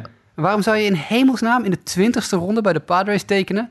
als je ook naar Tennessee kan... en je nu al 47ste in het land bent gerankt? Ja. er niks van? Nee. Nee, nee want dan kan Gage, je gewoon Even niet... snel om het af te maken. Gage Jump, wat is zijn commitment? Even spieken. UCLA. Dat is ook niet echt een kleine universiteit uh, en programma. Nee. Nou, ik uh, vind het heel apart. Alright, dan gaan we nog wel achterhalen wat daar de redenatie is geweest. Hopen we. Ja. We hebben uh, de GM niet op speed dial staan helaas. Dus het gaat, het gaat, het gaat wat langer duren dan deze episode. Maar de Tampa Bay Rays die mochten nog kiezen met de 28e pick van de draft. En die kwamen uit bij Carson Williams. Een korte stop van Torrey Pines High School in Californië. Um, ja, ik uh, kan er weinig over deze beste jongen zeggen. Hij stond ook buiten de top 40 gerankt zelfs. Uh, maar goed. Ja, goede speler. Ik vind hun tweede ronde selectie, of een uh, CBA, Competitive Balance ronde A selectie Cooper Kinney, vind ik eigenlijk leuker. Ja. Uh, tweede Carson Williams, ja, niks te nadeel van Carson Williams hoor. Carson Williams is een interessante speler, ook omdat hij een soort van two-way player is. Ja. En, en de, race, de Rays hebben natuurlijk een geschiedenis met two-way players. Draften, een paar jaar geleden Brandon McKay. Um, ik denk niet dat Carson Williams gaat pitchen. Uh, ik denk dat hij um, uiteindelijk op kortstop derde honk komt. Maar hij wordt vergeleken met iemand als Jordy Mercer. En dat is nou niet een superster. Dus als je dan denkt, waarom ga je je eerste ronde Jordy Mercer mm. draften? Maar Ja. goed, oké. Nee, die Cooper Kinney, dat vind ik wel een aardige speler in de, in de competitive balance ronde. Uh, van de Baylor Schools in Tennessee. Um, een tweede honkman met power. Een tweede honkman met uh, ja, een beetje Daniel Murphy-achtig iemand. Ja. Nou, dat denk ik dat dat heel nuttig is. Zeker. Ik zie trouwens hier ook staan, hier staat ene Drew Baker. En dat is voor mij nog even een bruggetje om terug te gaan naar de Washington Nationals. Die hebben de zoon van Dusty Baker volgens mij Klopt, uh, ja. gedraft. Zag ik ook. Ja, ja. Ja, kwam voorbij, voor kwam voorbij. Er nog twee teams te gaan. De Los Angeles Dodgers. Die hebben Maddox Bruns gedraft. De pitcher, een lefty uit UMS Wright Prep School in Alabama. Nou, Alabama. Die was uh, 49ste gerankt. Gaat als 29ste van het bord. Um, de Los Angeles Dodgers hadden ook een opzienbarende draft. Want die gingen net als de Angels pitcher heavy. Uh, ik geloof dat zij in totaal 18 van de 20 rondes ja. voor een pitcher kozen. En een korte stop en een outfielder, inderdaad. Yes. Um, Maddox Bruns, ik... Weet je... Um, hard gooien is leuk. Hard gooien ben ik altijd voorstander van. Maar je moet wel weten waar je het heen gooit. en Maddox Bruns is nou typische jongen die totaal niet weet waar de bal heen gaat. Die kan midden in een start ineens volledig de jips krijgen. Ja. En dat denk ik. Ik denk dus dat hij meer een reliever is in de toekomst dan een starter. Daardoor. Juist daardoor. Um, hij heeft een commitment aan Mississippi State, maar dat gaat hij natuurlijk niet, uh, die gaat hij niet doen. Ja, oké. Okay. Ja, ja, ja. ja. Nee, 2,5 uh, miljoen dollar, joh, die, gaat niet, die gaat niet naar college. Dat lijkt me stug. Zeker als pitcher niet. Het risico is te groot. Dan hebben we nog... Verder, verder de Dodgers heb ik niet zo heel veel over. Nee, um, moet gaan blijken. Het is allemaal, ja, aardig. Ja. Dan hebben we nog één team te gaan. Die mochten pas als 87ste kiezen. En die kozen met hun eerste pick Tyler Whitaker van de Bishop Gorman High School. Een korte stop. Ja. Uh, grappig is, wel 37ste gerankt. Dus ja, hoeveel... Hoe, hoe, nou, ze hebben natuurlijk best wel wat talent misgelopen. Um, de Houston Astros hebben het dan over. Hè? Die hebben ja, de sorry. eerste twee Houston rondes Astros. geen pick gehad. Die mochten pas in de derde ronde. Ja. Ronde 1 en 2 waren ze hem allebei kwijt. Ja, weet je, uh, wij, uh, Joey Gallo komt van dezelfde high school als deze jongen uit Las Vegas. Uh, teken voor wat het waard is. Ik, ja. ik ja hm. ik vraag me af of hij überhaupt gaat tekenen, als ik eerlijk ben. ja, nee, serieus, derde ronde. Het kan hoor. Ik bedoel, het is uh, bijna 7 ton. Maar ja, als deze jongen inderdaad 37ste gerankt is, uh, één of twee goede jaren in college. En uh, hij kan in de, in de top 20 gaan en dan verdien je miljoenen in plaats van tonnen. Ja, klopt. Ja. Uh, ik denk, ah, natuurlijk, hij gaat uiteindelijk wel tekenen. Meestal de eerste vier, vijf rondes tekenen wel. Maar mm, nee, ik vind het ook weer geen goede draft. Ik zit even door te scrollen, ik vind het weer helemaal niks. We gaan het zien. We kunnen dus ze gaan, waarschijnlijk hebben. allemaal, ze gaan waarschijnlijk allemaal de Major League halen dan. Ja. Meestal als ik dat zeg. Dan, ja, ja. Dat, dat zal je altijd net zien dat dat weer net met die gebeurt. Uh, van wie je dat uh, niet verwacht. Maar op zich, uh, al in al hadden we dus denk ik wel echt wel wat sensatie deze draft te pakken. Met name ook doordat er wat keuzes werden gemaakt die totaal niet werden verwacht. Dat maakt het wel weer leuk. Toch? Ja, ja, ik bedoel, ja ik absoluut. Nou, dan heb je nog een paar spelers die natuurlijk niet gedraft zijn. We hebben best wel veel, als ik stiekem even het lijstje bekijk, in de, laten we zeggen, top 150. Uh, dat zijn er toch al uh, gauw een stuk of uh, 40, denk ik, uit de top 150 die niet gedraft zijn. De meest in het oog springende daarvan is voor mij Peyton Stovall van Houghton High School in Louisiana. Dat vind ik echt een superleuke speler. Ik begrijp absoluut niet waarom die niet gedraft is. Tenzij die waarschijnlijk, dat heeft hij waarschijnlijk gedaan, aangekondigd, jongens, ik ga naar college. Um, dus draft me maar niet. Nee. Dus misschien wel de beste, beste slagman in de hele Midwest competitie. Um, dus ik vind het uh, jammer dat hij niet gedraft is, maar het betekent wel dat het een van mijn college spelers to watch gaat worden in de komende jaren. Eh, verder vind ik het jammer dat de pitcher genaamd Jonathan Cannon niet gedownload, eh, ge- gedraft is. Ja. ja. Gedownload, ja, ieder, jaar, ieder jaar zit hij erin, gedownload in de draft show. Ehm, dat is een werper van Georgia, een sophomore. Maar ja, als je Cannon heet van je achternaam dan, eh, en je bent een pitcher, dat is altijd leuk. Eh, en eh, datzelfde geldt een beetje voor. Waar staat hij? Even doorscrollen. Sowieso qua is- namen. We, we hebben betere jaren gehad. Het was niet slecht, hebben- ja, maar we, we hebben betere betere jaren gehad. Ja. Nick McLean is het jongere broertje van Matt McLean, die in de eerste ronde gedraft werd. Die staat ook nog eh, On the board. on the board, plek 142. Ik, ik denk wel dat hij, net als zijn broer, naar UCLA gaat. Als ik eer- eerlijk ben. Dus dat zijn eh, leuke, leuke jongens om in de gaten te houden. Verder, ja, naamsgewijs. Ik zit even onze eh, chat terug te kijken. Nou, het, het meest opvallende was, dat stuurde jij. We hebben een speler die gaat naar een virtual school. Ja, daar snapte ik ook al niet zoveel van. Eh, ik weet niet wat een virtual school is. Blijkt een soort e-sport speler te zijn, maar goed. Ja, misschien wel, ja. Ja, en dan heb je nog een speler als Quincy Hamilton. Die klinkt als een of andere founding father of zo, weet je wel, Ja. uit, in Amerika. Eh, en eh, wat hadden we nog meer? Scrollen, scrollen, scrollen. Micah Ottenbright was nog eh, door Sander aangevoerd. Owen Sharts, een hele lullige naam. Owen Sharts. En River Town. Jongen, Kijk. River van zijn voornaam en Town van zijn achternaam naar de Kansas City Royals. Dat zijn de meest opvallende gekke namen, tussen aanhalingstekens. Ja. Nou, en ik zie ook nog eh Aston Love voorbij komen. Ja. Doet ook goed. Ja. Nee, dus eh, eh, dat, dat, was de, dat was de draft. Ik denk dat we eigenlijk wel redelijk door de meeste dingen heen zijn. Ja, Ehm, er is natuurlijk deze week nog veel meer sensatie. Namelijk de Home Run Derby en de All-Star Game. En dan ja hebben we een Home break. Run Derby eh, is, is gewonnen door Pete Alonso natuurlijk. Precies. Maar daar gaan we mogelijk op een later moment nog even wat langer bij stilstaan. Als er meer mensen ook bij aanwezig zijn, denk ik. Ik las een grappig verhaal even tussendoor, nog eh 10 seconden daarover. Ja. Ik, ik ga het nog even precies uitzoeken voor de volgende show als ik het niet vergeet. Maar het schijnt dat Pete Alonso in college of in high school een keer een home run derby verloren heeft. Omdat Jose Canseco meedeed als een soort celebrity home run derby figuur. En toen is er vals gespeeld. Want eigenlijk had Pete Alonso gewonnen, maar toen is er met de regeltjes geflutseld. En toen had Jose Canseco als celebrity toch gewonnen.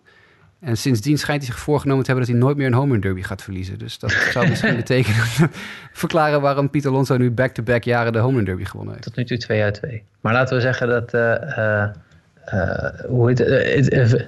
Volop sensatie. Zeker. All-Star Game, ik heb er zin in. Ben benieuwd wat het gaat worden. We hebben natuurlijk weinig sterren. Ja, nee, dat is niet waar. Ontzettend veel sterren. Maar de grote jongens, de Mike Trouts, de Ronald Acuña's, enzovoort, enzovoort. Die ontbreken. Ben benieuwd naar Otani. Die dus op de heuvel en aan het slag gaat eh, spelen in de All-Star Game. En, en we eh, hebben eigenlijk voor nog een paar, eh, paar dingen van afgelopen weekend die we niet besproken hebben. Maar de, de, de, de, nou ja, de Yankees-Astros reeks. En wat daar allemaal gebeurd is. Hoe Garrett Cole de wedstrijd uitgooide. Omdat hij zo boos werd dat hij er niet uit wilde. Poeh. En, en vervolgens ook eh, Jose Altuve die eh, een, een walk-off slaat. En vervolgens dan het shirt uitdoet om te laten zien van ik had geen buzzer op me dit keer. Ja, dat deden ze een paar keer. Hè? Dat deed eh, die catcher ook al, Martin Maldonado. Die zei, "Ik- het moeten ze niet doen. Dat soort dingen moeten ze niet doen. Nee. Want weet je nog dat de reden, wat de reden was die Altuve opgaf... dat hij zijn shirt niet uit wilde doen een paar jaar geleden? Hij had net een tatoeage. Ja, heb jij die tatoeage gezien deze Nee. keer? Nee, geen tatoeage. Nee. Dus een paar jaar geleden heeft hij een lulverhaal opgehangen over het feit dat hij een tatoeage had die hij niet zichtbaar wilde hebben. Nou, daar heeft nooit een tatoeage op het lijf gezeten hoor. Ja. Dus eh, Nee, en er was een hoop, eh, want ik bedoel, het ging ook nog over eh, dat het met het dak dicht en de Aaron Judge nog van alles van vond. ja, er, er was een hoop oud zeer wat weer, weer boven kwam. Terwijl ik juist de indruk had dat het Astro-sentiment een beetje, nou ja, was afgekoeld wel, zeg maar. Hè? De, de anti-Astro's, los van even met de All-Star Game, dat ze er allemaal niet bij zijn. Ehm, maar nu heb ik zoiets van, nou ja, nu, het, het is de, de rivaliteit. Er zijn veel teams die verloren hebben destijds- van de Astros. Die zijn het zeker nog niet vergeten. en ze doen het zelf ook niet slim. Ze brengen er veel te veel aandacht naartoe. Ze moeten het gewoon gaan negeren. Je moet er niet meer over praten. Als je, als je er vanaf wil, moet je er niet meer over praten. Ja, En niet meer dat soort shit doen als je shirt uitdoen. Of uh, Maldonado die tikte geloof ik op zijn borst om te laten zien dat hij er geen buzzer had zitten of zo, weet ik veel. Ja. Moet, je niet, moet je niet doen. Nee. Gewoon je kop houden, honkballen en over twee jaar weet, weet niemand het meer. Ja. Verder hebben we op dit moment nog steeds geen updates over hoe het verder loopt met de Trevor Bauer zaak, om maar even zaak te noemen. Ehm, dus is er wat dat betreft weinig eh, eh, te melden. Denk Op ik. naar de volgende show. Ja. Eloy Jimenez, Jimenez komt eraan. ja heb ik noot in de eh, vorige show. Precies, ja. Dus dat, eh, eh, ehm, dat is dan eigenlijk de positieve noot. Nee, dan gaan we het hierbij laten. Mochten jullie nou contact willen zoeken met de podcast en een kijkersvraag of iets dergelijks hebben, mail die dan naar justabit outside gmail.com. Just, just a bit podcast. Just a bit podcast gmail.com. Als je een vraag hebt, kan je dat ook natuurlijk altijd stellen via Twitter. Dat kan naar Jasper, Jasperoos. Dat kan naar mij, mdijk90. Dat kan naar Sander Gasman, naar Gasman SD, Gasman SD. En naar JWKF voor Justin. En dan uh, zijn we er, denk ik, hoop ik, dit weekend weer met in ieder geval een update over de All-Star Game. Mocht dat niet zijn, dan komen we kort daarna uh, om het eerste weekend na de All-Star Game weer te bespreken. In ieder geval bedankt voor het luisteren en tot de volgende keer.